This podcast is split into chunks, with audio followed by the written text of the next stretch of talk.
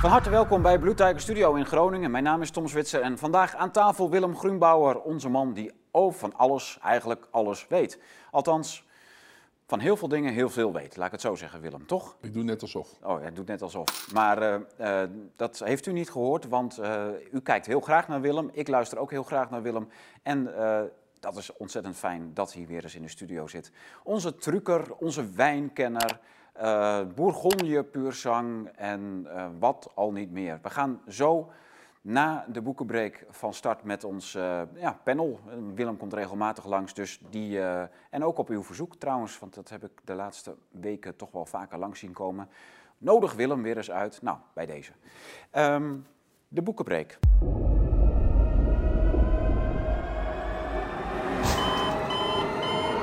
Deze ging heel hard. Dat hoesje voor uw telefoon om uh, straling te blokken van de 5G, 4G, 3G, wifi, bluetooth, noem maar op. U kunt uw telefoon gewoon hierin doen en dan is in één keer alle straling weg. En ja, daar staat de blauwe tijger ook nog op. Dus, daar zijn we, dus eigenlijk is het een soort merchandise verpakt als mooi product waar u wat aan heeft. Want dan kunt u bijvoorbeeld rustig slapen zonder straling. Dat gezegd hebbende, mijn eigen boek is voor de derde keer herdrukt. Dus dat is ongeveer de vierde druk die wij nu in huis hebben. Dat is mijn boek over geopolitiek uit 2017. Een filosofisch essay over de westerse geopolitiek van 1914 tot heden. Net weer in huis van de drukker, omdat hij maar blijft lopen. Zo'n zo stille, ja, zo'n zo'n stille everseller, om het maar eens te zeggen. En uh, daar ben ik trots op. Nou, we leven weer in tijden waarin geopolitiek floreert als nooit tevoren. En toevallig ook Rusland en Oekraïne, waarvan de thematiek centraal staat in dit boek. En wat ook de aanleiding is geweest om dit boek te gaan schrijven. Permafrost heet het. Dat is een soort analogie met, ja, in Rusland heb je veel permafrost. Dus er zit een geologische uh, analogie aan. En die permafrost die warmt op of die koelt af. En dan krijg je hele rare methaanachtige spanningen in die ondergrond. En dan krijg je ontploffingen in de bovenlaag. En dat heb ik als een soort analogie voor het begrip geopolitiek gebruikt en uit de doeken gedaan. En dat leest u dus in uh, permafrost. Ik ken het, ja. Ja, Willem. Heb je hem gelezen al? Ja, en uh, een van de hele belangrijke dingen die je daaruit leert, leest, want je hebt er natuurlijk wel bronvermeldingen overal bij. Het is bekend dat in de oorlog, uh, in de Tweede Wereldoorlog, de Russen de nazi's hebben verslagen op een wel hele een ridicule manier dat ze het leger wat uh, aan het front stond uh, vooruitzonden. En die wisten dat als ze op zouden geven of terug zouden keren, neergeschoten zouden worden door hun eigen mannen. Ja. Maar dan lees je in dit boek dat de Fransen en de Engelsen deze tactieken ook al toegepast hadden. In de in Eerste, de eerste Wereldoorlog. Precies, ja. Nou, dat weet bijna geen hond. Oké. Okay. En het frappante daarvan is dat je dan ziet dat in de Eerste Wereldoorlog Duitsland het land was dat zichzelf verdedigde. En dat de Franse legers wilden Duitsland vernietigen. Dat is iets wat je omschrijft. Nou, als je daar, dat zet wel een beetje aan tot denken. Ja. Wat er dan precies gebeurd is. Ja. En dan lees je op zeker moment ook dat Duitsland de oorlog dreigde te winnen. En dat vervolgens uh, de banken heel veel geld hadden geleend aan de Fransen. En dat de Fransen, uh, dat de bankiers bang waren. Ja, hoor eens, als die Duitsers winnen zijn we onze poen kwijt. Dus hebben ze het zo gespeeld dat de Amerikanen erin gemengd werden en gingen helpen. En daardoor Duitsland uiteindelijk toch werd verslagen alsnog. Ja. Dat is wat even de thema's die je in het begin van het boek al schrijft. Ja, de rest is ook. Uh, uh, ja, er is heel veel geopolitieke dingen in die je op een gegeven moment gaat, een beetje gaat beseffen dat wat je ervan weet, er zo weinig van weet. Ik ben natuurlijk persoonlijk gewoon ja, best wel trots dat er een vierde druk ligt. Um, hij is ooit bij de tweede druk is die ingrijping gewijzigd en daarna niet meer. Maar we hebben natuurlijk ook een nieuwe epoch in huis sinds uh, een week of twee. Uh, die is heel belangrijk, CBDC's, daar gaan we steeds meer over horen. Misschien weet jij, uh, of heb jij daar al wat meer over gelezen. Maar de central bank digital currencies is het grote thema waar alles aan hangt. Basisinkomen, de digital ID's, die COVID-pas, alle QR-gedoe. Uh, daar wordt allemaal naar, naar die CBDC's toegewerkt. Dus dat centrale banken eigenlijk je direct controleren in je portemonnee.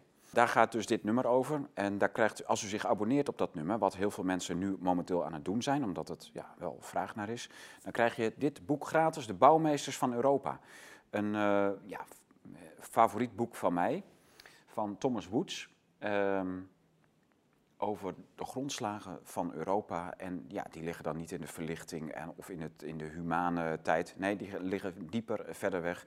En dit is een heel wonderbaarlijk boek. Als je dit boek leest, dan, ja, dan gaan je ogen open over hoe de geschiedenis achteraf gemanipuleerd is, uh, of de geschiedschrijving vooral. En dat is, uh, ja, daar kun je je, je, ja, je licht over opsteken. Um, aanbevolen door Hans Herman Hoppe, onder andere Benno Barnard, onze eigen Nederlandse dichter, historicus. Ja, dat boekje gaat vooral dus over de middeleeuwen, de beschaving vanuit de kloosters, het ontstaan van de universiteit, de wetenschap, het internationaal recht, uh, de vrije markt en hoe dat ontstaan is. Ontzettend interessant. Dus dat is veel ouder dan wat wij nu uh, de laatste, ja, wat wij nu leren of denken. Ja, en het eindigt natuurlijk bij een wereld zonder God. En uh, dat is een ongelooflijk populair boek. En voor mij, part, voor, voor, mij echt een heel favoriet werk uit de stal van de Blauwe Tijger. Dus die wil ik van harte bij u aanbevelen. Dit boek kost normaal gesproken 23,50. Die krijgt u dus gratis wanneer u zich abonneert op Epoch Magazine. En dat begint nu bij dit nummer, nummer 17. Eerste nummer van de vijfde jaargang alweer. Uh, ja, maar ook dat uh, bouwmeesters van Europa, hoe je dus ziet dat uh, de hele ontwikkeling eigenlijk ontstaan is bij, bij het bouwen van klooster, kloosterleven.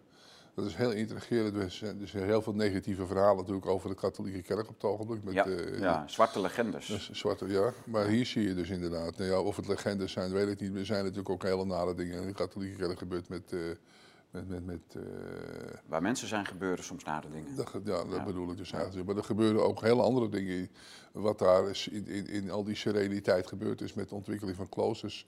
En hoe dat eigenlijk tot een uh, enorme ja, riepke zeilmakers uit had. Tot een soort christelijke beschaving is gekomen. Zonder, de, zonder christendom was er geen christelijke beschaving in Europa geweest. Ja, daar heeft hij wel een punt. En daar zitten heel veel dingen met heel veel fouten er ook bij, zonder meer. Maar ook heel maar vergeet niet nou ook de goede dingen te benoemen. Die worden daar heel duidelijk belicht. En eh, dat ook heel veel invloed heeft gehad. Waar is je zakdoek, Willem? Heb ik hier? Jij kwam hier als een boef binnenlopen.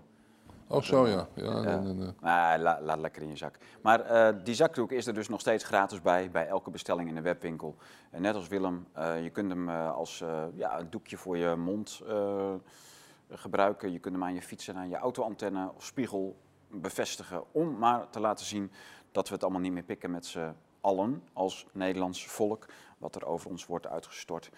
En um, ja, daar uh, krijgt u dus gratis bij uw boeken of dvd's. Want we hebben ook dvd's van Marijn Poels. We hebben ook een gratis zakdoek bij dit uh, telefoonhoesje. Enfin, met elke order een gratis zakdoek. Maar dat wist u al als u eens vaker gekeken heeft de afgelopen maanden.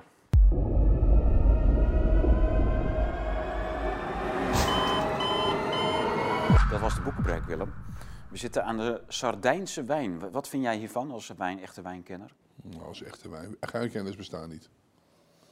Mijn liefhebber. Je bent liefhebbers en er zijn liefhebbers die kunnen iets, iets over en dan weet ook iets van de achtergrond. Jij werd al niet echt wijs uit het etiket, hè? Nee, er staat op, de, er staat op uh, druivensoort, lokale druiven. Ja, dan, ben ik alweer klaar. Noem gewoon de naam. Vind je te drinken of niet? Nee. Het is ook niet smerig, dus ik heb, er, ik heb erger erbij gehad. Maar, ja. ah, ik, ik vind ik hem weet. Ik, ik, ik, uh, er is iets mee dat ik kan schrijven. Er zit wel, is iets gedaan met additief, ik weet het niet. Toch ja? Ja. hoef je ook niet op het etiket te zetten van Europa. Hè. Je moet er wel op zetten dat er zwavel in zit. Oh ja, en dan dekt dat gelijk een heel scala aan Ja, je moet, uh, als ik het goed begrepen heb, dan moet je dus, uh, meer, als het meer dan zoveel milligram is, moet je het erop zetten. Nou, het probleem is dat bij rode druiven kom je altijd aan zwavel, omdat het al in de blaadjes, in, in, de, in de schillen van de druiven al sulfiet kwijtkomt.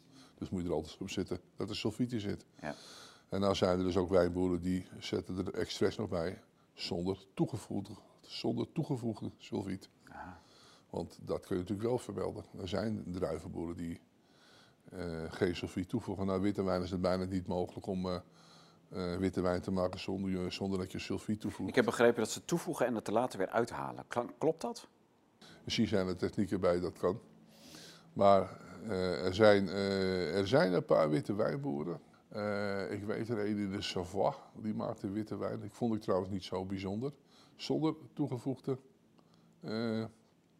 sulfiet. En er zijn er een paar Ja, extreme. Het is zeer instabiel, maar het kan wel. Want je kan witte wijn maken zonder sulfiet. Rode wijn is veel makkelijker, maar veel makkelijker. Krijg je toch altijd ins- instabiele wijn. De meeste is er wel iets aan toegevoegd. Nou ja. Maar er zijn een paar Morgons en er zijn een paar in de Bourgogne, in de Languedoc, die voegen absoluut geen sulfiet toe. Waardoor je ja, wel een heel lekker product krijgt. Maar dan moet ze ook naar wijn kunnen maken. Hè. Je hebt, eh, ik ken ook wijnboeren die denken ook dat ze wijn kunnen maken. Die, die, hebben- kunnen heel goed druiven kweken. Maar geen wijn maken. En, ja, Het zijn twee verschillende dingen natuurlijk. Het zijn hele, hele verschillende beroepen. En, je Ja. kunt, en ik het maar een keer of veertig doen in je leven. We hebben in Nederland hebben we dat natuurlijk allemaal gescheiden. Er zijn, er zijn bijna geen boeren die alles maken. Kaas, yoghurt en, en, en de, de koeien goed, eh, goede melk genereren bij de koeien. Dus bij, bij, in Nederland hebben we dat gewoon gescheiden. Hè. Dus je, een boer eh, kweekt eh, vlees of eh, maakt, eh, maakt melk, maar dan levert hij het af bij de fabriek. En die maakt de kaas, yoghurt, wat dan ook van. Ja. Nou, niet dat dat nou echt heel bijzonder is, maar eh, n- wat maakt dat dat in de wijn gebruikelijker is eigenlijk? Is het, eh, ja, is dat zo? Eh, er zijn natuurlijk wijnhuizen die eh, eh, enorm veel eh, druiven, coöperaties. Hè? Frankrijk is natuurlijk, in, eh, Italië heb je hetzelfde, in Spanje ook. Dat er dus coöperaties zijn waar alle wijnboeren hun eh, druiven brengen. En vervolgens eh, maken ze daar eh, de wijn. En dan de inferieure wijn gaat er in tankwagens weg. En dat, eh, ja, dat gaat naar azijnfabrieken of het gaat naar... eh, er zit in Troyes en Bayeux zitten er twee fabrieken die ik dan toevallig ken. Eh, niet in een wijnstreek, maar er wordt rode wijnen toegebracht. Die maken dan Europese wijnen van. Hè. Er, zit, er zit van alles en nog wat in, allemaal door elkaar. Een beetje additieven erin, sulfieten bij. Je kunt het op een alle mogelijke manieren bijsturen. Hè. Mhm. Er zijn ook heel veel technieken voor. Ja. Nou, En- gebeurt in de whisky ook, hè? bijkleuren. Van, waarschijnlijk wel, ja, overal mee. Maar de, de, de kleine wijnboer die zelf wijn maakt en eh, dit ook eh, bijna alles bij zich, vanuit zichzelf verkoopt zonder dat daar iets tussen zit. Ja, dat, dat, eh, dat zijn er natuurlijk aardig wat, maar er zijn er niet zo heel veel die iets heel moois maken. En ja, vaak toch altijd een commercieel tintje eraan geven van ja, ik doe dit, ik doe dat. Het is, het is eh, Maar gaat dat dan naar grote afnemers? Van, dan koop je dat dan later terug als 5 liter verpakking bij de Aldi? In zo'n Nou, dat, kan, zo? nee, dat kan natuurlijk niet. eh, omdat je die grote, eh, eh, zoals, kijk een Albert Heijn, die gaat alleen wijn kopen bij hele grote, nou, ik, zeg- ik zeg het maar, een beetje plat wijnfabrieken. Waarom? Omdat ze natuurlijk tien jaar lang dezelfde hoeveelheid willen hebben. Dus het wil niet zeggen één oplegger, maar tien opleggers. Ja. Eh, en dan eh, ook met precies dezelfde kwaliteit. Ja.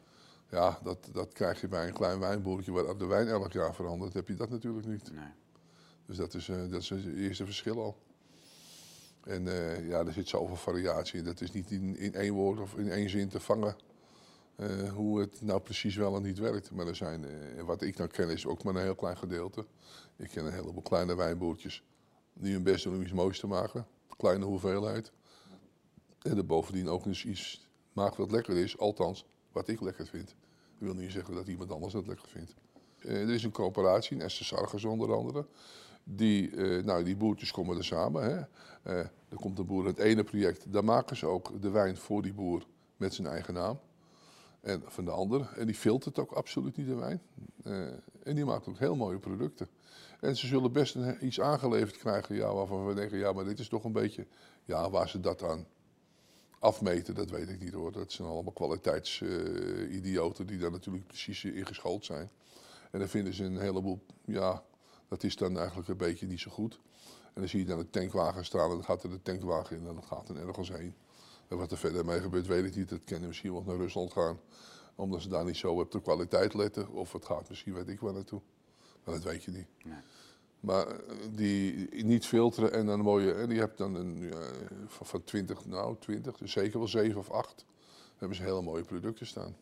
En er zijn ook wijnboeren, ik ben er wel eens, die ziet er allemaal gelikt uit hoor. Dan kom je bij zo'n wijnboer, zoals, of zo'n coöperatie, en die zie je ook eh, hele mooie flessen staan met mooie etiketten. Ja, en dan proef ik het en denk ik, ja, dat is niks. Of het is te houterig.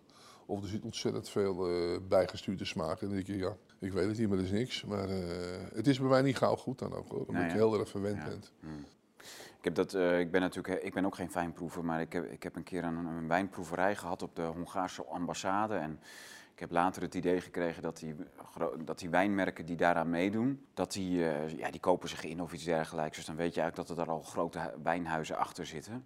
Maar dat was ook echt een, een aaneenschakeling van, van, eh, van zeurverhalen over hoge tannines en weet ik veel wat. En ik vond dat de ene was, smaakte nog meer naar azijn dan de ander. Er zaten weinig lekkere wijnen bij.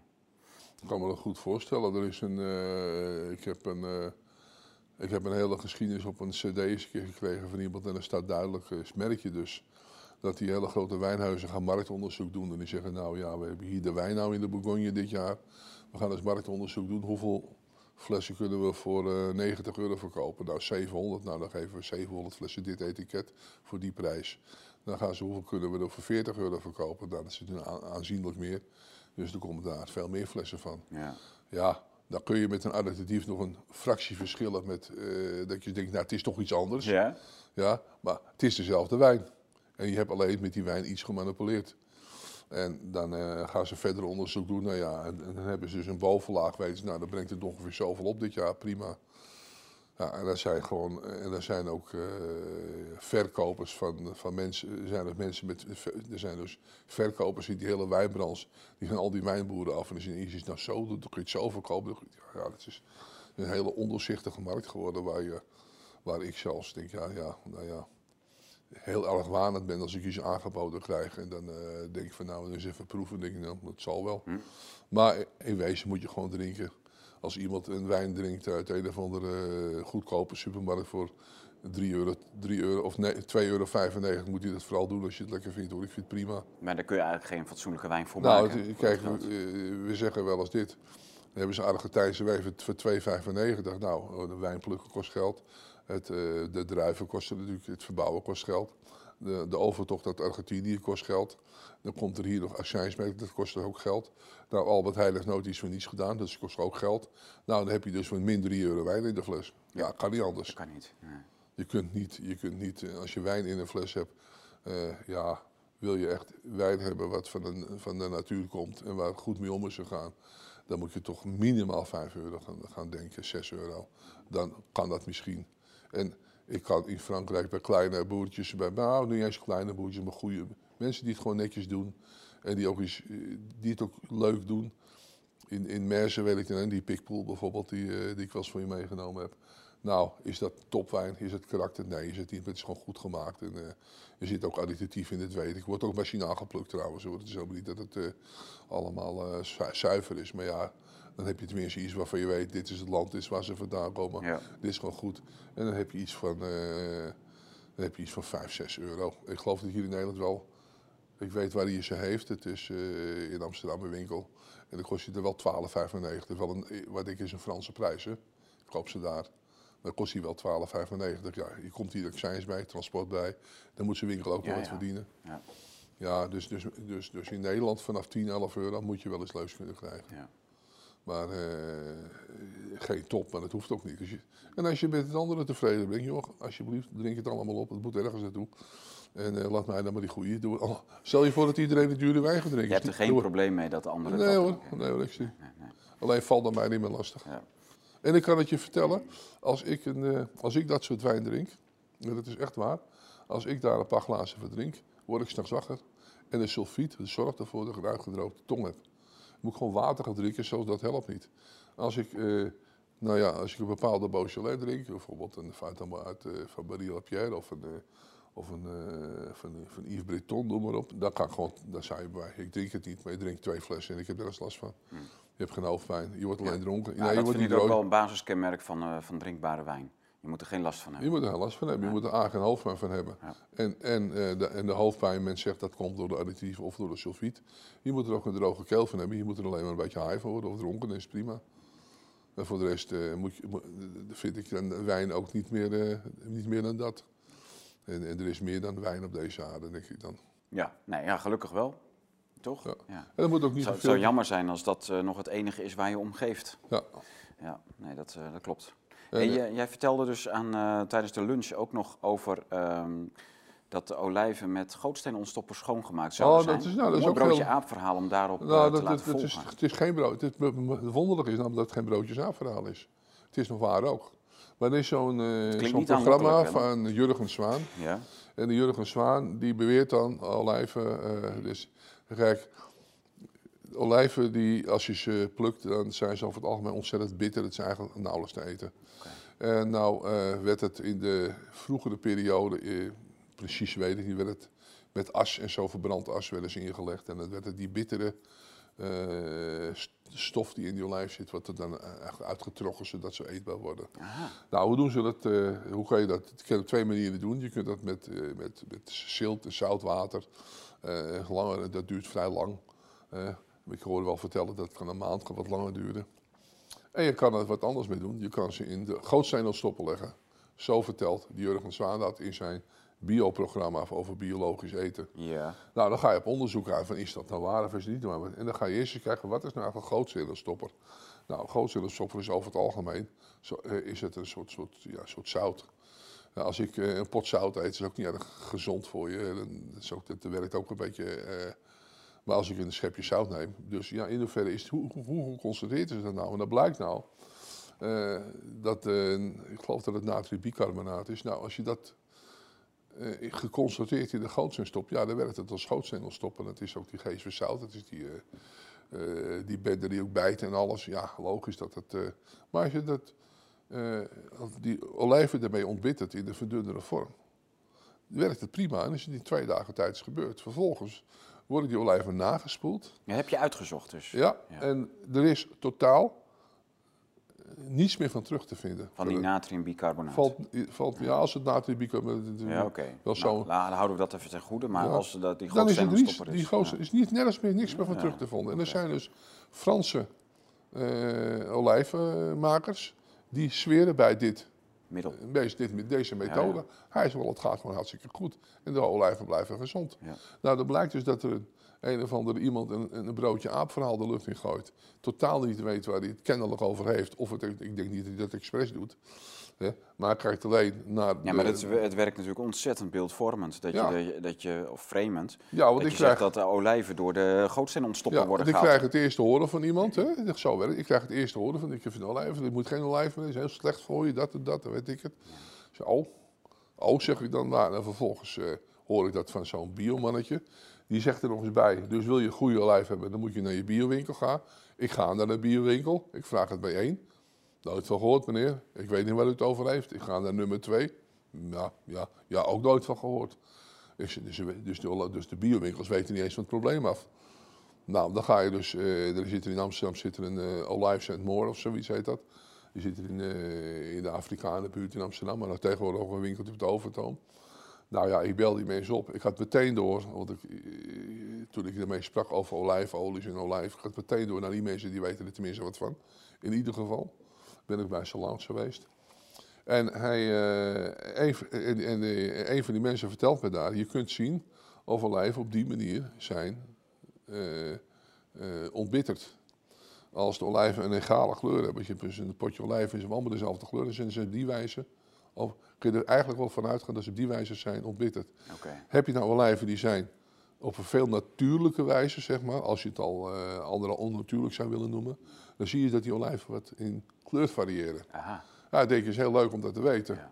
En mm, ik, ik ben ook bij, eh, eh, bij, ik ben er uiteraard bij Salons geweest. En, en dan zie je op een gegeven moment krijg je dan te horen dat je honderden soorten olijfjes hebt, maar allemaal verschillend van smaak. En, en Dat is natuurlijk een wereld op zichzelf. dat is een hele Ik heb- wereld op zichzelf. Ik heb wel eens gehoord dat eh, dus dat verhaal dat olijven van de boom niet eetbaar zijn, dat, dat, dat kende ik.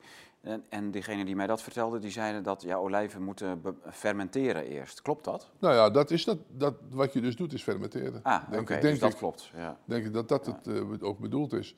En wat ik ook, maar ik heb het niet na kunnen trekken, dat dit middel in Griekenland verboden is. Dus daar moet het op een andere manier gaan. En het schijnt met zout water ook in een, eh, in een, rela- in een vrij zout water of zoiets. Zijn, zijn die olijven daarom zo zout van zichzelf altijd? Nou, weet ik niet. Ik, eh, ik, ik, ik- heb olijf altijd wel lekker gevonden. De ene is meer dan de andere. Ja. En die blauwe zijn natuurlijk wat zoutiger. hè. Die Ka- Kalimantan eh, heet het, geloof ik. Maar voor de rest, en, en wat hij wel zei, ontpitte olijven hebben zonder meer minder smaak.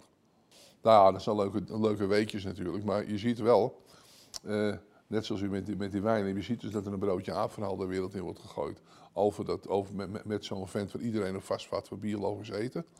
En vervolgens blijkt, ja, wat je nou aan het vertellen bent, het is, eh, dat is een beetje vreemd. Ja. Nou, leuk dat En misschien dit- ook wel eh, zonder, zonder echte bijbedoelingen.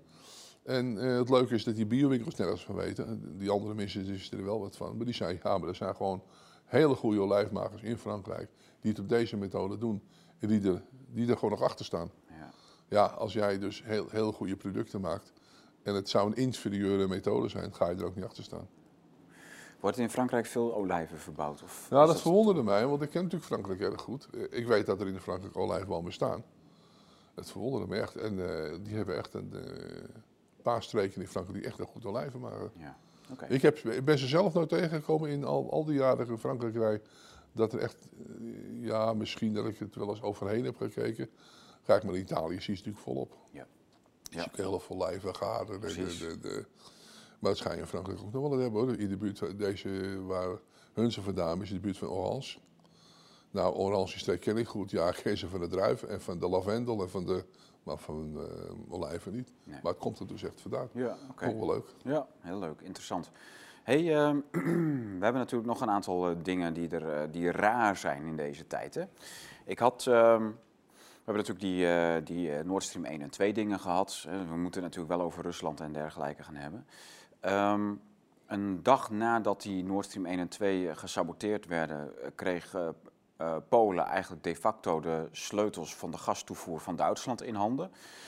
De Baltische pijplijn die werd toen geopend, van Noorwegen naar Polen. En via Polen dan ook weer eh, naar Duitsland. Maar de Oekraïne-pijplijn van Rusland-Oekraïne loopt ook via Polen. Dus alle grote gastoevoer naar Duitsland loopt nu over Polen. Hè. Dus dat was, eh, ik dacht van, nee, dat, eh, dat komt de Amerikanen heel goed Ja, uit. ik denk alleen dat die Russen de verkeerde pijpleiding hebben geopend laten vliegen. Ze Ja, nee, dat, dat denk ik ook. dat het, Ja, maar Ze dachten natuurlijk dat het de pijpleiding was. we eh, gaan het hier natuurlijk niet hebben over wie dat gedaan heeft. Het is, Ja, maar dat, dat men het suggereert dat Russen dat gedaan Ja. zouden hebben, kan natuurlijk niet eens. Want die hele zee ligt vol met sonoren en, en, en weet ik het allemaal. ja. Dat als die Russen dan met een duikboot gaan varen, dat is natuurlijk meteen opgemerkt.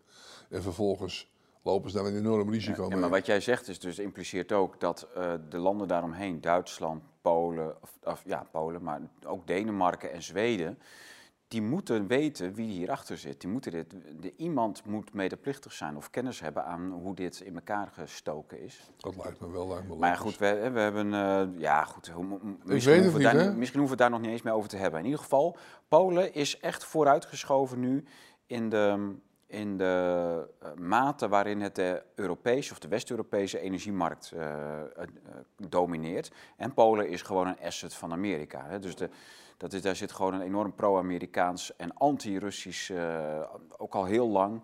Dat is, en nu in één keer, was dus van de week, twitterde de Visegrad, Twitter, het Twitterkanaal van de Visegrad-landen. Dus dat is Polen, Tsjechië, Slowakije, Hongarije. Dat is een beetje een soort van ja, Oost-Europees verbondje. Zeker, is een zekere mate van samenwerking binnen de EU. En eh, die twitterde dat eh, Polen een claim van 1,3 triljoen euro had neergelegd bij Duitsland als herstelbetalingen voor de Tweede Wereldoorlog. Ja, dat is... eh, Dus Nord Stream 1 en 2 zijn gesaboteerd. Duitsland is van de directe gastoevoer afgesneden. Polen zit in een zetel. Die heeft gewoon van de Amerika heeft hij de sleuteltjes gekregen van die gastoevoer naar Duitsland. En binnen een week of een week later leggen ze bij Duitsland nog even een extra claim van 1,3 triljard, eh, triljoen, of tril- triljoen euro neer als nog even van de Tweede Wereldoorlog. Ja, maar dan vind ik toch eigenlijk wel dat eh, daar wat tegenover moet staan. Want Polen heeft natuurlijk een heel stuk van Duitsland al gehad, dat grondgebied. Hebben ze al, ja. Hè? Heel Eh, Oost-Pruisen. heel Oost-Pruisen. Gdansk eh, hebben ze ja. natuurlijk. Ja. Nou, de Russen hebben natuurlijk eh, Koningsberg ingenomen. Was ook Duitsland. En ik vind dan eigenlijk moet Polen ook een claim beleggen bij Oekraïne, Wit-Rusland.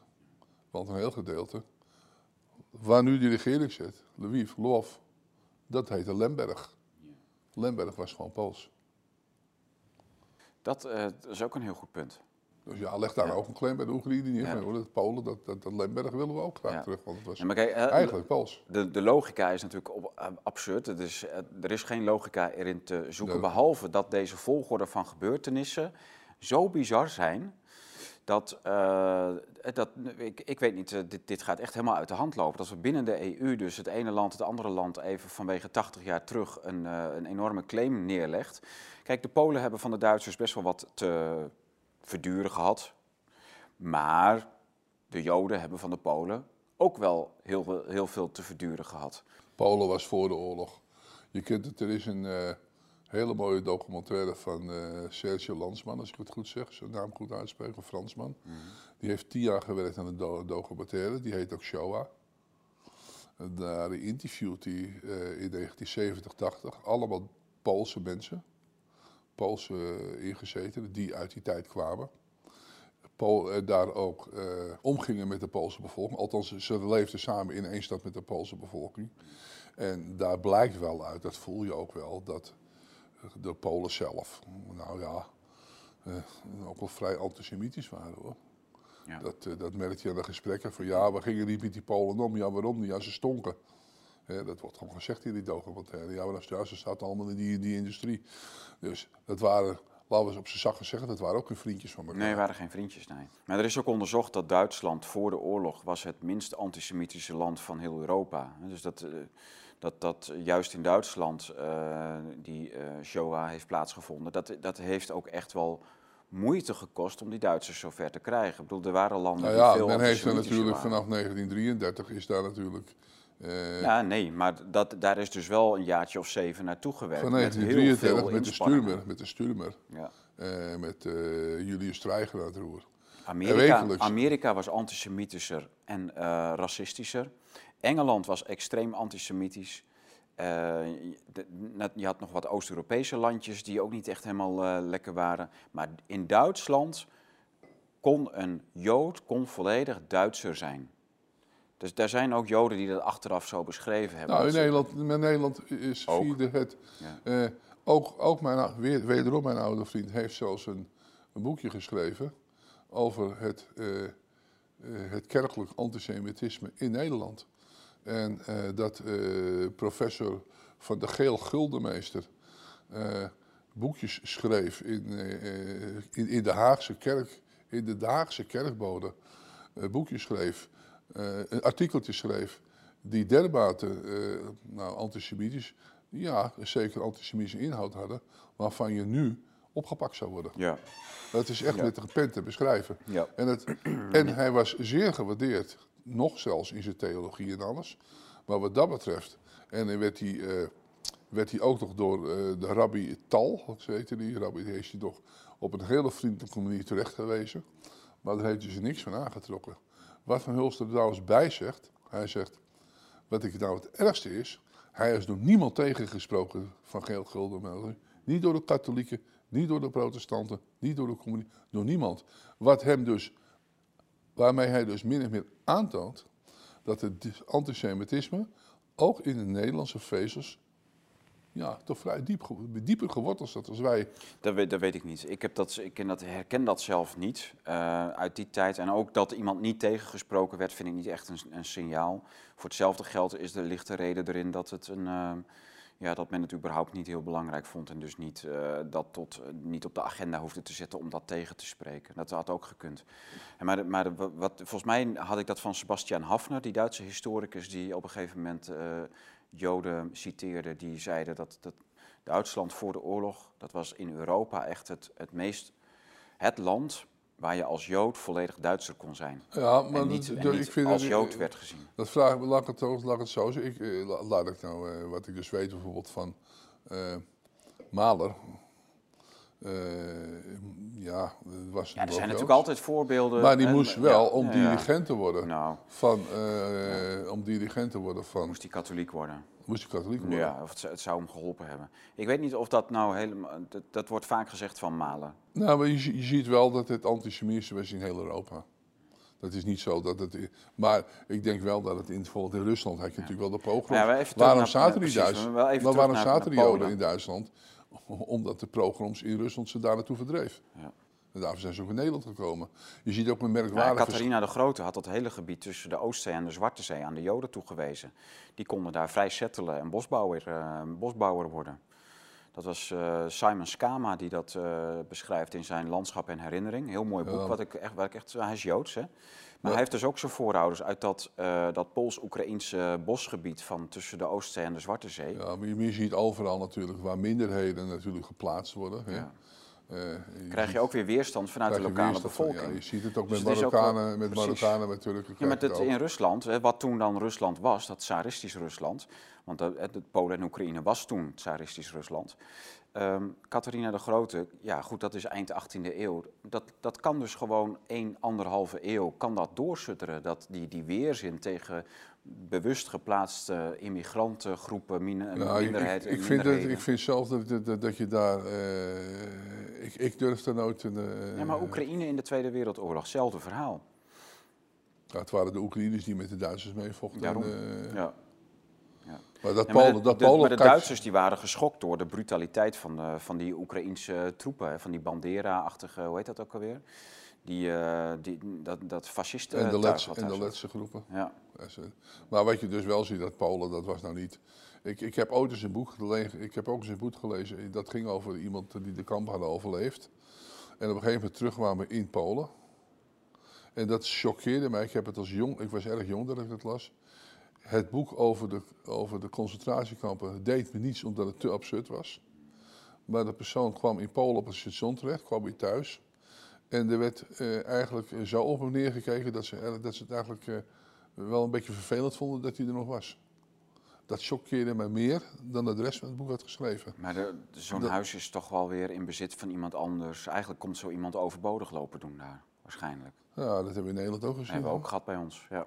Maar dat choqueert je dan nog meer? Maar ja, er zijn, er zijn ook andere verhalen, Willem. Ik ken ook verhalen van onderduikers die terugkwamen of na de oorlog uh, en, en, bewaard zijn gebleven door vaak communistische of gereformeerde uh, verzetsgroepen. En uh, die na de oorlog gewoon vol rancune zaten naar hun onderduikadres. Omdat ze misschien een keer aan onze vader mee moesten bidden. Of dat wordt dan vaak zo op die manier gezegd, dat er bekeringsdwang was geweest. En, maar maar de, de houding van, van rancune naar, uh, van ondergedoken mensen naar hun onderduikadressen, die ken ik van heel veel verhalen. En dus het, de over en weer is er natuurlijk zo, ja, maar, zoveel te vertellen. Ja, dat, dat, zie je natuurlijk altijd met mensen onderling. Waar mensen onderling zijn, zie je altijd weerstand. Ja, maar daarom heb ik moeite met die uh, met eenzijdige weg met ons verhalen. Van kijk, ons slecht geweest zijn. Dat vind ik... Uh, heb maar in wel, wat verband bedoel je dat nou nu dan? Met de Russen en met Nou, met kijk, we hebben, het, we hebben het over Polen. En, ja, met de en, Polen, en die herstelbetalingen ja. naar Duitsland. Ja. en, ehm, dus er wordt nu even een claimpje bij de Duitsers neergelegd, ja, bij kijk, Berlijn. De Polen en ook daarna de Duitsers, die hebben natuurlijk veel veel meer te verduren gehad van het Sovjetleger. He, dus de, die, die Sovjets die hebben heel Polen overlopen. En de verhalen die wij van de Duitse vrouwen uh, horen, die in Oost-Pruisen hebben gewoond, ik bedoel, wat nu Polen is, de helft, was, was al Duits. Dus van Danzig, heel Oost-Pruisen tot en met Koningsberg aan toe. Dat, daar woonden Duitsers, geen Polen. En die zijn dus en masse verkracht door uh, Sovjet-soldaten. Er is een waanzinnige verkrachtingsgolf geweest en, uh, en moord. En, tot op Berlijn aan toe. Ja, tot op Berlijn aan toe. Maar, en dus, dus, dat is in heel Polen gebeurd. En uh, nu komen ze dan bij de Duitsers. Uh, Polen zijn heel erg anti-Russisch, dat is nog steeds zo. Maar nu leggen ze dan binnen de EU bij de Duitsers een claimpje van 1,4 uh, triljoen. Uh, nee, maar al die, het is heel al, absurd. Het is toen, zo absurd. Toen ik voor het eerst in Polen kwam, ik wist dat dat natuurlijk Duits was geweest. Ik heb wat niemand weet, wat te weinig mensen weten. Als jij dus in Polen komt, en het is natuurlijk enorm veel grondgebied, hè, ja. uh, wat Duits was. Dan ga je, ja, maar die mensen zullen, zouden oude mensen hier nog Duits praten. Ik was heel lang geleden al in Polen geweest. Ja, dan moeten die mensen toch wel Duits praten, want ja, het is nu wel Pools, maar die mensen zitten daar nog steeds. Ja. Maar dat blijkt dus niet zo te zijn. Ze zijn allemaal het land uitgeknuppeld. Ja, zijn verdreven. En het is in, in natuurlijk, je kan ik je nog voorstellen dat dat in Tsjechoslowakije toen gebeurd is, in het Sudetenland. Ja. Dat, wa dat, was niet zo groot, dus daar al die mensen weg zijn, eh, het land moesten verlaten. Kan je nog eens voorstellen. Maar als je nou een gebied wat drie keer zo groot is als Nederland, ik denk misschien nog wel groter, moesten allemaal weg. Ja. Dan denk je bij nou, die mensen zijn allemaal naar het westen of het oosten gegaan. Eh, maar het waren wel mensen die niks met, eigenlijk zelf niks met oorlog te maken hadden. Hun huisje hadden gekocht, hun werk hadden en die hele oorlog niet gewild hebben. En gewoon alles kwijt zijn geraakt. Ja, hebben die geen recht op een herstelbetaling, denk je dan? Zou ik zo zeggen. Ja. Wat hebben die... Dat, dat is, dat heeft me altijd gefascineerd, bijvoorbeeld van uh, Ilgrau, dat nu eh, Jiglava heet in Tsjechië. Daar woonden natuurlijk heel veel Duitsers. Het gros was Duits. Eh, er wonen ook wat Slavische volken, maar het gros was Duits. Er wonen natuurlijk heel veel Duitse Joden. In de oorlog zijn er heel veel van die Joden opgepakt en die zijn eh, de meeste omgekomen trouwens. Het is heel tragisch. Na de oorlog zijn die Joden teruggekomen in Jiglava. Dat waren dus Duitse Joden, zal maar zeggen. Die zijn er ook gaan wonen. En een half jaar later uh, heeft de Tsjechische regering, de Tsjechoslowaakse regering in al haar wijsheid besloten dat alle Duitsers die in Jiglava moesten wonen, werden verdreven naar Oostenrijk. Waaronder de Duitse Joden. Dan denk je bij jezelf, het is krankzinnig als je erover nadenkt. Die, die, die hadden daar een eigen huis, hadden een eigen business. Hè? Ik stel me dat zo voor. Ja. Die zijn, uh, de meeste zijn dus omgekomen, vermoord. Dan de overlevenden komen dan terug, mondjesmaat. Ze komen dan, laten we zeggen, in hetzelfde huis wonen. Die denken, hé, hé, we zijn van de ellende af. En vervolgens, Ja. want ze waren Duits. De Duitsers zagen ze niet als Duits, die zagen ze als Jood. Dus moesten ze omgebracht worden. En het Tsjechen, die zagen ze niet als Tsjechisch, want ze waren Duits. En die moest land verlaten. Nou, dan denk je, als je dit soort situaties al ziet. Hè, en, dat is één, één, en dit is iets wat ik weet, hè. Dit weten de meeste mensen niet. Dit is iets wat je weet. Wat is er nog meer gebeurd is, wat je niet weet, Ja, je is weet niet. onbeschrijfelijk. Het meeste weten we niet. Ja. Maar de, de absurditeit van de gebeurtenissen, daardoor denk ik ook van dit, dit is allemaal een opmaat naar iets. Er, is, er staat iets te gebeuren. Hè, zo'n, de, die olieleidingen die gesaboteerd worden, de Baltische lijn die geopend wordt. Polen krijgt een hele machtige positie op de Europese energiemarkt. En vervolgens komt er zo'n claim van anderhalf triljoen naar Duitsland. Wat gebeurt er volgende week? Er wordt echt nu een programma afgewerkt waarvan ik mij afvraag waar dit, eh, waar dit heen moet leiden. Uh, en waar uh, uiteraard Amerika achter zit. Polen is het meest pro-NAVO, pro-Amerikaanse, anti-Russische, anti-Duitse land van heel uh, Europa zo'n beetje. En wat, ja, wa, wa, ze worden echt ingezet. Ja, en ik vraag me ook af Kijk, dat- maar ik heb dit, ge- ge- al, dit zie je al jaren aankomen. Dat die Polen die worden opgenaaid met extreem nationalisme en de Poolse identiteit. En dan helemaal onder de beschermende uh, armpjes van Amerika. De vleugels van Amerika die zitten echt over dat land heen. En ondertussen wordt dat Poolse nationalisme opgepompt van je welste. Het slaat ook nergens op, want de Polen die hebben echt overal gewoond tussen de Oostzee en de Zwarte Zee. Uh, dat, dat land heeft overal gelegen. En bij, maar het, om daar nu een soort nationalisme aan op te hangen die, dat gebonden is aan nazistaat grenzen en aan een taal, terwijl eigenlijk die, die, dat hele bestaan van dat Poolse volk is zo, zo, zo fluïde geweest als het maar zijn kan. Ergens kun je wel iets Pools in de geschiedenis zien, maar het heeft letterlijk echt tussen, tussen de Krim en, uh, en Koningsbergen heeft het overal gelegen. Afhankelijk van een paar eeuwen. Het heeft in het Russische Rijk, in het Oostenrijkse Rijk en in het Duitse Rijk gelegen. Het heeft, in, uh, het heeft geografisch heeft het op verschillende uh, punten gelegen. En dan zijn er natuurlijk in de geschiedenis wel bepaalde rode lijnen. Hè, dat dat de, de Turken in Wenen zijn verslagen door koning, de Poolse koning Jan Sobieski, uh, et cetera. Dus er zijn wel bepaalde ja, Twee verschillende, hoofd, eiken, twee verschillende hoofdsteden gekend. Ja. En kom je nou in uh, Polen zelf, dan merk je dat er in de buurt van Danzig helemaal geen Polen wonen, maar Kasjuben. Ja. En dan kom je in Zuid-Polen en daar zie je ook dat de mensen een heel andere identiteit hebben. En nog ergens. Die veel meer naar het Tsjechische en Slovaakse. Ja, je hebt tegenwoordig. Je weet dat het tot 19, geloof tegen 1998 was het verboden om in, in, in, in uh, Breslau, het oude Wrocław, het oude Breslau, was het verboden Duits te praten. Hè? Meen Maar ja, het is heel lang geweest. Dus eigenlijk dezelfde politiek die Oekraïne nu de afgelopen tien jaar heeft uh, geprobeerd uit te oefenen in Oost-Oekraïne. Ze hebben het Russisch verboden op scholen en als uh, taal, als straattaal. Onder etnische Russen notabene, die dat natuurlijk altijd al spraken. De, de, dezelfde soort krampachtige nazistaatpolitiek he, hebben de, de Polen hebben dat al heel nou ja, lang ik weet, ik weet alleen dat het in Polen was dat verboden geweest. Heel lang verboden geweest. Nu zie je dus als je naar... Nou, Stalinistische praktijken zijn Als je dat. nu er naartoe rijdt, zie je dus ook gewoon borden Breslau staan. Ik bedoel, dat is helemaal geïntegreerd. En je hebt een heel groot gedeelte in Polen. Ik ben er doorheen gereden. En het is in de, even voorbij Breslau, je gaat er de binnenlanden in. Dan zie je ook uh, de plaatsnaambord in twee talen staan. In het Pools en een soort, ja, dat lijkt erg veel op Duits. Ja. denk, hé, hey, dat is nou helemaal weer terug. Die wonen dus kennelijk, wordt hier een dialect gesproken.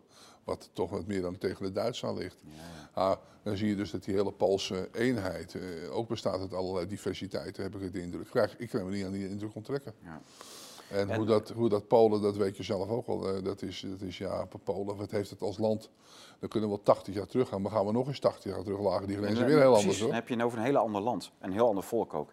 Dat is het rare. En wat, wat ik nu merk, dus dat kunst, ik vind dat, dat opgepompte nationalisme, is dat is echt iets heel kunstmatigs. Het is een katholiek land en je ziet dus dat dat hele katholieke deel uh, via de openbaringen van Fatima, dat is een soort Maria-verschijning in Portugal geweest, die het vooral over Rusland heeft gehad. Dus een Russische revolutie voorspeld heeft.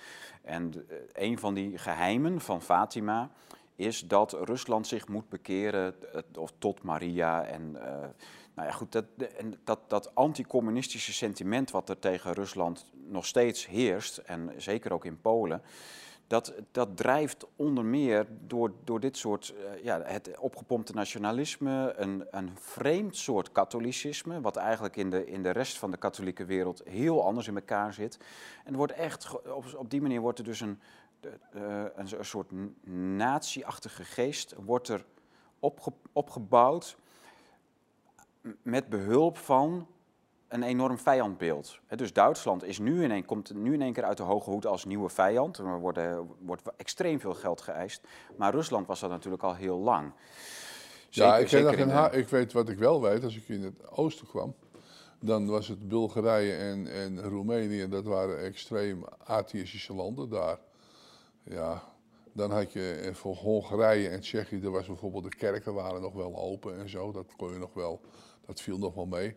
Maar Polen, ja, dat, dat, dat was gewoon eigenlijk wat betreft religie nog in de communistische vrij, uh, vrij open. Ja, katholiek, uh, ja. Uh, met, met, en, en, nog wel, als je nu met, bijvoorbeeld met 1 november naar Polen gaat. Nou, er is nergens een land waar zoveel bloemen op graven worden gelet als daar. Dat is ongelooflijk wat daar in stand wordt gehouden. Dat, is, dat is heel apart. Ja, ik vond dat in Roemenië ook wel. Dus die, die begrafeniscultuur, begraafplaatscultuur. elke zondag uh, picknicken op de graven van je voorouders, uit, ja, maar, gelijk uit de mis. Maar uh, dat is in de communistische tijd waarschijnlijk niet toegestaan. Uh, dat, dat weet ik niet hoor, maar ik heb dat in ja. Roemenië, was in die tijd natuurlijk, ja, dat was echt on. Ceausescu.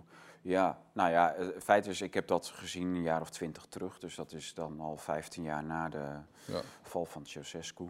Ja, het was wel zo dat de orthodoxe kerk in Roemenië toen een, uh, op, op de weg terug was.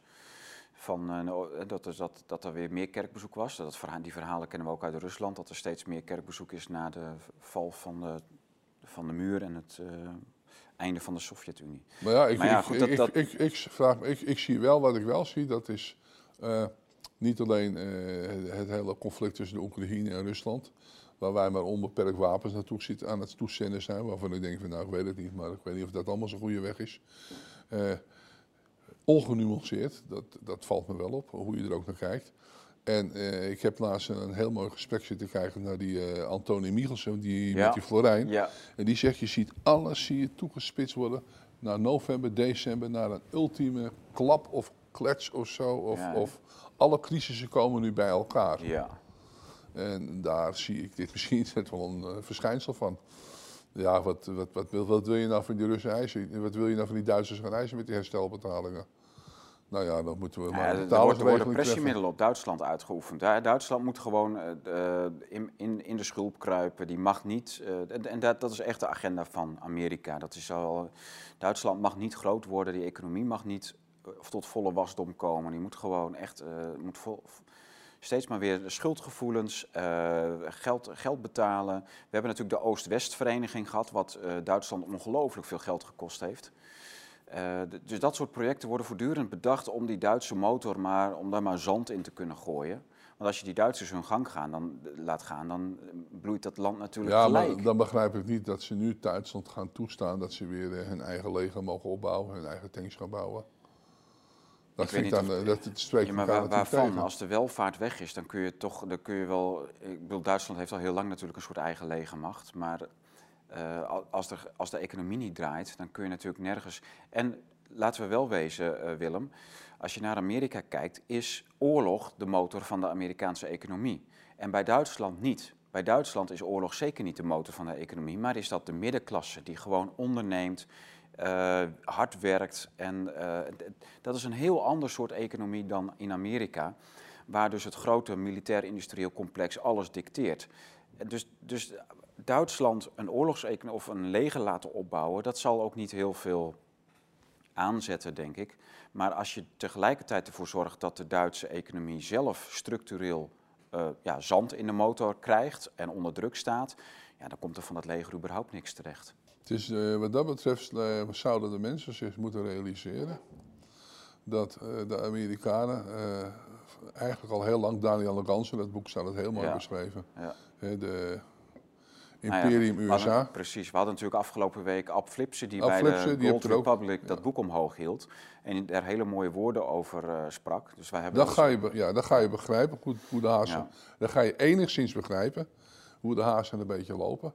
Omdat je dus ziet dat van meet af aan eh, de Amerikanen eh, ja, overal hun basis hebben, overal hun legers hebben zitten, de baas in de wereld willen spelen. eh, wat ze op, eigenlijk op het ogenblik vrij goed afgaat. Ja. Hè? overal een, een legerbasis hebben. En dat het doel van Amerika lijkt te zijn om Rusland op te delen in zoveel mogelijk Ja. kleine staten, zodat geen een van die staten meer de overhand kan hebben. En er zijn dus mensen die zo pro-Amerikaan zijn en dat ook een goed idee vinden. Ja, nou, kijk, als je historieloos in het huidige conflict staat, en dan, kun je bij, bij alles kun je voortdurend de vraag stellen: ja, maar Tom, ja, maar het is niet echt bewijs. Ja, je speculeert wel enorm. Ja, maar dat, maar dat doe je. Dus als je dit soort boeken leest, dat maakt heel goed duidelijk hoe Amerika in het afgelopen tijdsbestek van 70, 80 jaar in de wereld gestaan heeft en, en, en zichzelf legitimeert en haar eigen wereldoptreden legitimeert. Ehm, en, en hoe ze dat inzet eh, om bepaalde doelen te bereiken. En als je die mechanismen steeds in bepaalde patronen ziet verlopen in de afgelopen 80 jaar, dan is het ook niet zo moeilijk meer om nu te, te zien en te aanvaarden wat de rol van Amerika nu is in het huidige conflict. En het grote probleem is, het grote probleem is, eh, jij kent eh, ook wel, en ik denk dat je het leuk kunt terugkijken, wat eh, dokter F. de Graaf ooit eens heeft gezegd van het Romeinse, denk het Romeinse Rijk. Hij zegt, de Romeinen tolereren heel veel, ze gaan heel ver, je mag vrij zijn in het Rijk, maar men moet goed weten dat het Romeinse Rijk eh, wel de baas moet blijven. Dat projecteert hij vervolgens, zoals je wel bent. Eh, de, kijk, en zo heeft het Romeinse Rijk ook Rome geaccepteerd als baas van de wereld, terwijl het Romeinse Rijk eenzelfde baas zijn gebleven.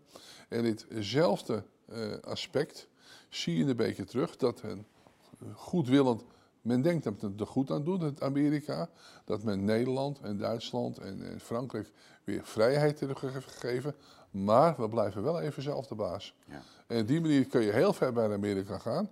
Maar je moet wel erkennen dat Amerika eigenlijk het nieuwe Rome misschien is in het Romeinse Rijk. Wat de baas wil blijven spelen. En ook meent daar ook eh, bevoegd toe te zijn. Terwijl je moet afvragen, ja maar eh, hoor eens even, gaat Amerika hier niet te veel ver is?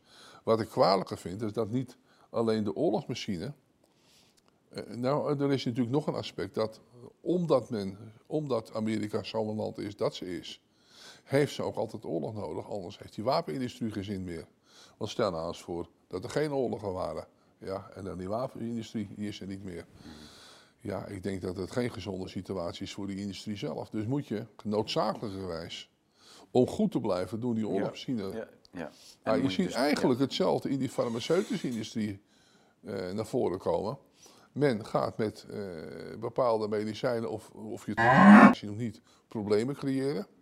En die problemen die ga je dan ook weer oplossen met medicijnen. Die al En zo uitgevonden hou je dat. Die al uitgevonden waren voordat het probleem bestond. Nou, Dus ze, ze vinden een oplossing uit en als die oplossing er is, dan gaan ze er een probleem bij creëren, zodat ze hun oplossing kunnen vermarkten. ja, zoals eh, nu eh, wat ik dus lees over bepaalde ziektes die nu eh, tevoorschijn komen na eh, deze laatste rondes, waar men van tevoren wist dat die zouden ontstaan en daarom testen, medicijnen aan het testen zijn eh, voor de problemen die ze zelf hebben veroorzaakt. Ja, dat is natuurlijk een. Ja, of dat bewust, kijk, de vraag is me altijd: doen ze dat nou echt bewust of doen ze dat hebben? ze- Ik denk best dat men denkt dat men daar goede bedoelingen mee heeft. Ja, wat bedoelen we allemaal zo goed? Ja, ja. Maar ja, dat heb ik ook wel. Dan bedoel ik het ook wel goed, maar ik ben zo fout bezig als wat. Even nog de wijn bijschenken. Ik, eh, ik drink hem, eh, nou ja, ik drink hem toch wel lekker weg. Ja, nou ja, goed. eh, ik moet op rijden, dus ja, dan. eh, Nou ja, heel ver? Nee, toch? nee, maar dan gaat. Ja, misschien wel eigenlijk. Dat weet ik eigenlijk nog niet. Je hebt nog geen plannen. Jawel, zometeen zouden we wel hier of naar naartoe gaan. En misschien gaan we wel naar uh, Noordoosterzeil of nee, hoe heet het ook alweer? En Noordpolderzeil, Noordpolderzeil, ja. dat zo'n getijdenhaven. Er kan één boot liggen, geloof ik. Nou, er kunnen wel meer boten liggen, dat- maar eh, dat is, in, in Groningen is het de enige getijdenhaven. Dus de, bij App valt het ook droog, er liggen die boten op de grond. Ja. In Friesland heb je ook een paar van die getijdenhaventjes. Oh ja? Ja, volgens mij wel. Ja, dat weet natuurlijk eh, leuker dat bijna niemand dit weet. Nee, en het is ontzettend mooi daar, vind, vind ik. ik. Ja, goed. Ja, ik kom er elk jaar ook wel een paar keer. Vooral als het stormt natuurlijk en is het schitterend. En dan, eh, Ah, dit is mooi weer daar. Wolken, wolkenvelden, flink windje. maar, dat, eh, maar goed, maar buiten dat, het is, een, eh, het is wat dat betreft een, eh, een ingewikkelde wereld aan het worden. Mhm. Wat er getijden. Ik had het vanmorgen gelezen hoor in, eh, in, in zo'n blad voor geestelijk ontheemden. Dan weet het toch weer de Volkskrant of de Telegraaf. En dan heb ik daar zitten, zitten lezen van, eh, van nou 1 miljard, 1, bil- 1 biljoen of zo. Ik denk, nou dat is, dat is dus ook wel heel veel geld. Dat heb ik dagelijks ook niet allemaal bij me. Maar dan denk je ook, ja, hoeveel zin heeft dat eigenlijk? Ja. Hè? Ja. Kunnen we nou niet eens een keer hiermee ophouden met al dat geleuter? Dat vind ik wel. Ja, dat is nog het- een beetje de enige vrijheid die we hebben. Gewoon lekker eh, een glaasje wijn inschenken en een beetje leuk. Ja, maar we kunnen hem niet ophouden in, internationaal met in elkaar eh, zoveel eh, miljard dit en hier en dat en zo en zo. Ik bedoel, we zitten in, de, gaan ze in Nederland gaan ze dan twee dagen praten over genderideologie. Waarvan ik denk, zit ik hier soms naar een stelletje geestelijk gestoorden in een inrichting te kijken. Dat kun je toch met één zin afdoen. Dan zeg je, jong, hou eens op met die flauwekul. En, gewoon, en ga gewoon als normaal doen. Ja, ja. Nou, Nou ja, en, en, en dan zie je, en dan zijn er enorme problemen. En dan gaan we twee dagen debatteren over dat soort dingen. En vervolgens hoe, hoe, ze, ze zich fatsoenlijk moeten gedragen. Kennelijk is daar een debat voor nodig. Of van. maar alles wat je aandacht geeft, groeit. Dus dat, dat, Ja. zo, zo werkt dat. En ehm, die woke-clubjes die zijn natuurlijk echt heel erg klein van zichzelf. Dus ja, eh, wat ik van de week hoorde is, eh, er kwam, er kwam zo'n foto naar buiten van zo'n man die dan op hoge hakken en in eh, vrouwenkleren op een eh, catwalk ergens of op een videopremière staat. Zo'n stoere vent met een baard en een eh, knotje en zo- zo'n viking in vrouwenkleren. Blijkt dat die, die gasten, die krijgen gewoon 25.000 euro om dat te doen.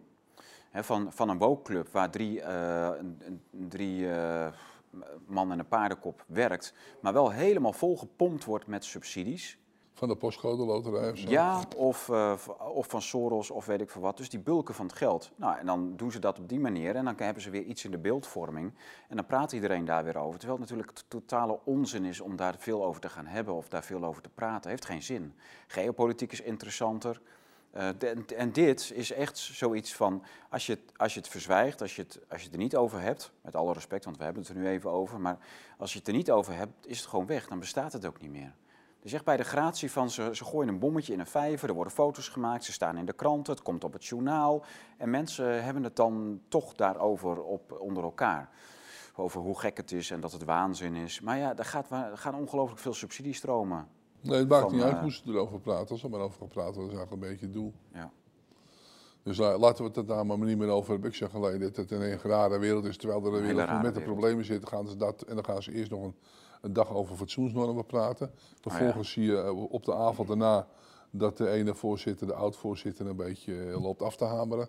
Dan denk je, ja jongens, eh, terwijl de Nederlanders hun gasrekening niet meer kunnen betalen, eh, het ook niet meer zien zitten. Ja. Het gas hier twee keer zo duur is als in België, terwijl het België ons gas ook is. ja, maar één fotootje van zo'n woke-figuur in de, in de media en niemand heeft het meer over die te dure gasrekening. Hoe, en hoe waanzin dat is.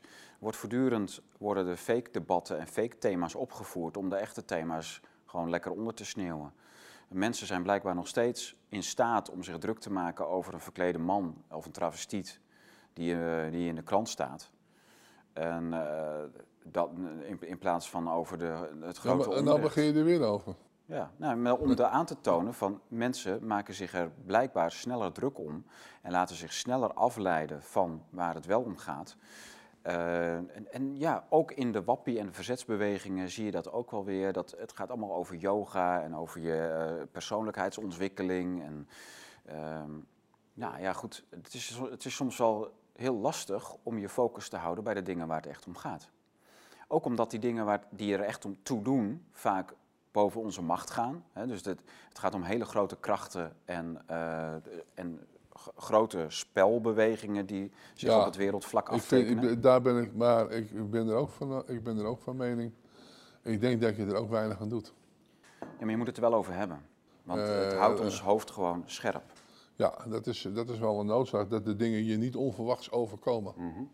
Maar dat er dus uh, krachtig zijn waar wij geen invloed op hebben. Ja. Waar eigenlijk niemand invloed hebben. Ook niet, ook niet die, de zaken die ze uitvoeren. Ja, maar Mensen... Neem nou zo'n Ab Flipsen, Willem. Hè. Je, sorry dat ik je even onderbreek. Ja. Maar die, die toch wel heel mild in dat geopolitieke conflict staat. Heeft wel sympathie naar Oekraïne. Maar kom dan toch met dat boek van Daniele Ganser aan. En zegt van ja, dit moet je lezen om echt niet je te laten afleiden door allerlei dingen waar je sympathie mee hebt. Of waar je toe kan neigen. Door, doordat je alleen nog maar in de huidige media verslaggeving uh, zit dat vind ik toch, je ziet toch wel, hè, dit is goud, zilver, bitcoins. Het is echt allemaal, allemaal gaat echt om hele concrete dingen als je geld hebt of als je cash hebt. Wat doe, moet je ermee doen in deze tijd? Moet je beleggen? Moet je, gaan, uh, moet je cash in huis halen?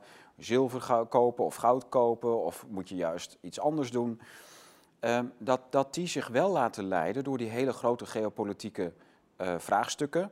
En zich er echt toe disciplineren om dat goed te analyseren zodat ze hele goede financiële adviezen kunnen geven aan, aan gewoon mensen zoals jij en ik. We hebben, niet al, we hebben allemaal niet veel over, weet je. Maar we hebben ook niet grote tekorten, jij en ik. We hebben gewoon een goed leven.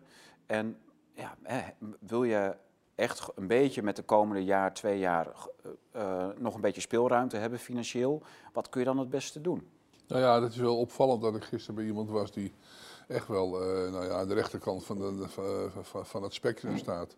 Eh, een echt een, over, een, Israël-fan, zeg maar, een, een D66-hater, zeg maar, puur zang. En die niet doorheeft dat de media uh, waar hij zijn nieuws vandaan haalt, de kranten enzovoorts. Hij zegt, dus jij beweert, zegt hij, dat er geen onafhankelijke, geen onafhankelijke journalisten meer zijn in Nederland. Zie ja, die zijn er wel. Zie die schrijven niet in kranten. Zeg maar, daar komen hun artikelen niet meer terecht. Waarom komen ze niet terecht? Omdat die heel die media in één grote hand is en die bepaalt wat erin komt. En als jij of ik een artikel schrijft die helemaal tegen die gedachtegang ingaat, word je niet geplaatst. Ja, dat dringt niet door hoor. Ook al zou je de content gratis afleveren, dan nog wordt het niet geplaatst. Nee, ik, echt, ik heb er nog bij gezet. Daar heb ik zelf ervaring mee. Want als ik, ik heb natuurlijk voor dat, dat ene blad gezegd, trucks geschreven, wat het er niet meer is. Daar heb ik heel veel in kunnen krijgen. Er is nooit wat geweigerd, moet ik eerlijk zeggen. Maar ik wist ook, daar heb ik zelfcensuur, eigenlijk een beetje zelfcensuur toegepast.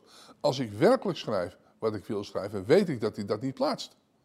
Jij, je, je, hebt natuurlijk heel veel uh, hot nieuws vanuit die truckerswereld. Ja, ik heb bijvoorbeeld... Uh, dat heb je hier aan tafel ook gedaan, over, de, over die vakbonden. Ja, en ja ik heb natuurlijk ook... Kijk, tegen die vakbonden, daar kon ik best wel wat schrijven.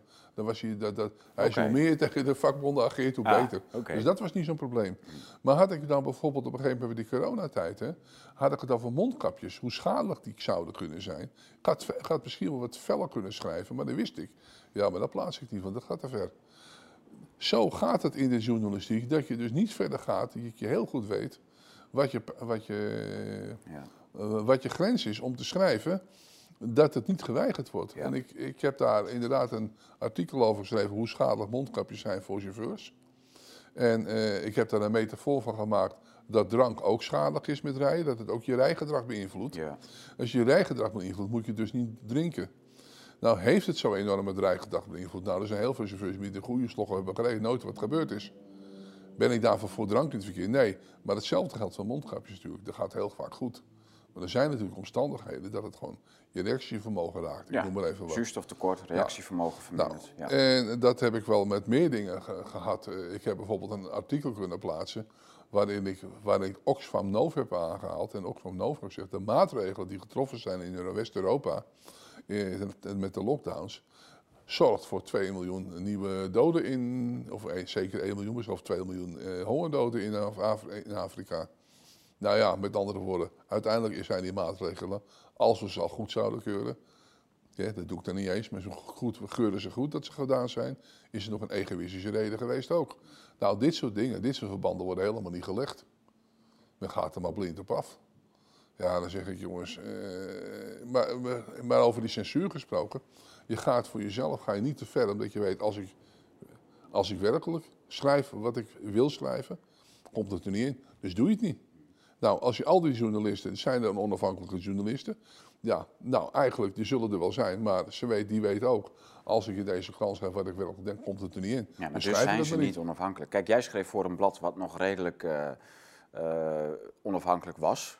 Nou ja, dat kon ook min of meer onafhankelijk zijn vanwege het feit dat er natuurlijk een, een beperkt aantal Ja. regio's, dus dat ging nog wel. Maar Maar zit je in zo'n kartelblad, wat gewoon bij, eh, ofwel eh, die van Tillo, ofwel, eh, hoe heet Ja, die andere? ik- ik Ja, maar in ieder geval die twee Belgische krantenboeren die alles in handen hebben. Nou, ik zal je vertellen, ik ben zelfs met mijn artikelen uit een blad gegooid. Op een heel sneaky wijze. Ik schreef, je had op een gegeven moment het blad, het blad Ton, heette dat. Ton. Die heette niet Tom, zoals jij, maar Ton met een N. Dat was een blad van het pensioenfonds.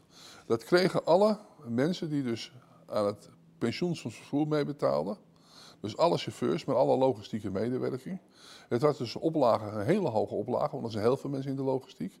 Die kregen dat gratis. Let even op, Ja. een blad gratis. Dit krijgen jullie gratis. Ze hebben mij gevraagd of ik daarvoor wilde schrijven. Ik ben daarvoor gaan schrijven. En dan heb ik eh, wat, wat, wat eh, neutrale artikelen geschreven. Over, over spiegels en over eh, nou ja, andere dingen. Maar op zeker moment heb ik daar een artikel geplaatst. In de vakantietijd, toen de hoofdredacteur weg was. Dat heb ik niet expres aan, ik wist dat niet eens.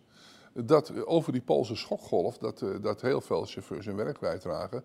Vanwege de invloed, invloed van heel veel bedrijven.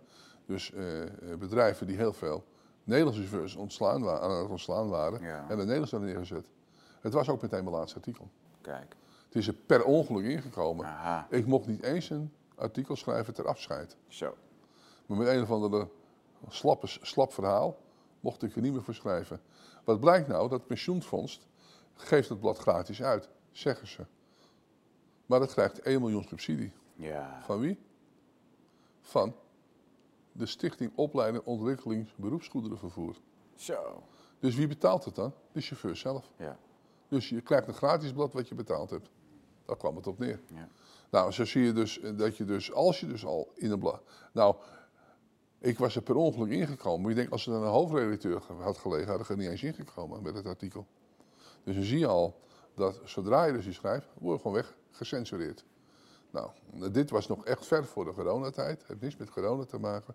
Maar als jij dus in een blad schrijft wat de hoofdredacteur niet wil. Ja.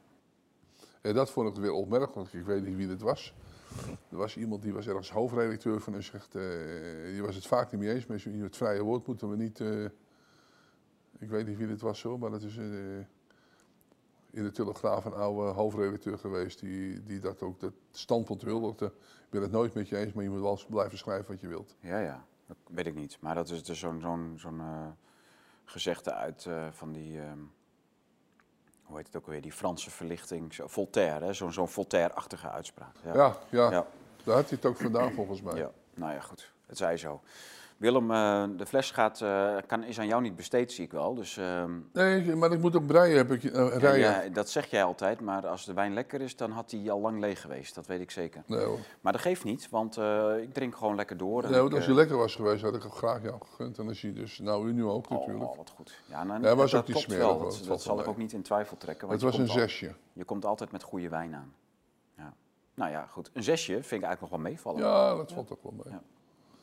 Ja. Ja, komt helemaal uit Sardinië natuurlijk. Dat wil je nou nog meer, joh. Ja, ik heb een dubbele bodem in mijn auto gebouwd om ze allemaal mee te kunnen nemen. Dat hoeft niet meer, dan, want je mag, Nee? eh, nee, je mag eh, Voor niks gedaan. 90 liter meenemen. 90? Maar met whiskies uit Schotland en zo gaat dat niet meer, hè? Met, eh, met die Nee. grenzen nu. Nee, maar dit geldt niet voor whiskies en de sterke drank. geldt Ah, i- iets lager tarief. Ik geloof, maar het is wel leuk. Dat eh, had een hele grote supermarkt in Cogel, dat is vlakbij Calais. Ja. En dan ging je een bus reizen uit Engeland met de boot over. Ging je daarna, daar naartoe en dan zag je die mensen, die Engelsen, met steekkarretjes weer de boot terug, maar met bier en met eh, wijn en, enzovoort enzovoort. Scheelt dat zoveel? Ja, Frankrijk nou ja, kennelijk scheelde dat veel. Nu is er iets anders aan de hand. Nu is er dus, Engeland is buiten de EU. Ja. En ik heb toen Engeland, eh, je had vroeger had je natuurlijk de tax-free shops, hè. En tussen Engeland en Frankrijk eh, hadden ook tax-free winkels. En nou, eh, nee, de- Engeland zit vanaf 1980 zo'n beetje in de EU. En vanaf 1980 tot, eh, tot 2000 ongeveer is in de Europese Unie, hebben ze heel lang gepoogd om die tax-free af te schaffen. Nou, in het jaar, en ik heb heel veel sigaretten en, en drank naar die tax-free shops gereden van de, van de boot. Nou, het is dus uiteindelijk in het jaar 2000 ongeveer is het gelukt dat er geen tax-free meer voor gekocht worden op de boot van Engeland naar Frankrijk. Maar nu mag het weer wel, want Ja. ze zijn buiten de EU. Ja, ja, ja. ja. Dat is wel grappig. Ja. We zijn nu dus, hier als je nu dus eh naar, van Nijmuiden, dan wordt er reclame gemaakt dat je tax-free kan boot, Ja, ja, op ja. boot kan lopen. Oh, ja. En dat is dus een paar jaar verboden Het geweest. heeft wel voordelen. Ja. Ja, ik denk dat de Engelsen wel goed af zijn hoor. Jawel, hè? Die trouwens geen gasprobleem hebben. Hè? Nee, maar je hebt op de Noordzee best wel gas. Dus je, je hebt ook... Die zijn zelfvoorzienend in Ja. de aardgas. Precies, ja. En eh, dus, dus we- in Nederland hebben we ook niet echt Gronings gas nodig. We hebben op de Noordzee ook veel gas. Het komt allemaal in, in eh, Den Helder aan, eh, aan land. Maar daar mag je niet over praten. Daar mag je niet over praten, want het moet Gronings gas heten. Ja. Dus er zijn nog rare dingen die nog helemaal niet opgehelderd zijn met die gasprijzen. Maar als we daarover beginnen, weet ik zeker dat in ieder geval ik nog wel een uur aan het schelden ben. Want ik, ben, ik vind het natuurlijk verschrikkelijk dat we hier die gaskraan weer open zouden moeten draaien. Maar goed, dat, eh, daar hebben we een andere keer over. Binnen, ik hoop dat we binnenkort met de mensen, eh, ja, u, kunnen verblijden met een zeer informatief tafelgesprek over dat Groningse gas en wat daar dan precies de ins en outs aan zijn. Daar ben, ik wel mee bezig. Dat heeft even tijd nodig, maar dan eh, ja, alles voor. eh, en waarom zouden we nu in één keer politici gaan vertrouwen die eh, roepen dat het allemaal veilig kan en dat het allemaal echt wel kan en dat je er gewoon stikstof voor in de plek voor kan spuiten en dat die Oh. bodem dat CO2 ja, misschien. CO2, water. Dat is natuurlijk gewoon geweldige onzin. En dat gaan we u dus binnenkort vertellen aan deze tafel. Want u moet echt niet in Amsterdam, Rotterdam, Den Haag of Eindhoven denken dat dat hier allemaal maar gewoon even gebeurt en dat het allemaal goed gaat dan. Willem, ontzettend leuk dat je hier was. Lekker eh, een eh, glaasje weggetikt en, eh, en het over belangrijke zaken ge, Ja, over wijn en olijven. Ja. Ja. Wijn en olijven. ja. Nou, dat is heel belangrijk. Vergeet de wijn en de, en de olie niet, hè? En eh gootsteen ontstopper. Ja, daar hebben we het ook nog even over gehad. En het blijkt dus wat genuanceerder te liggen als dat wordt verondersteld. Ja.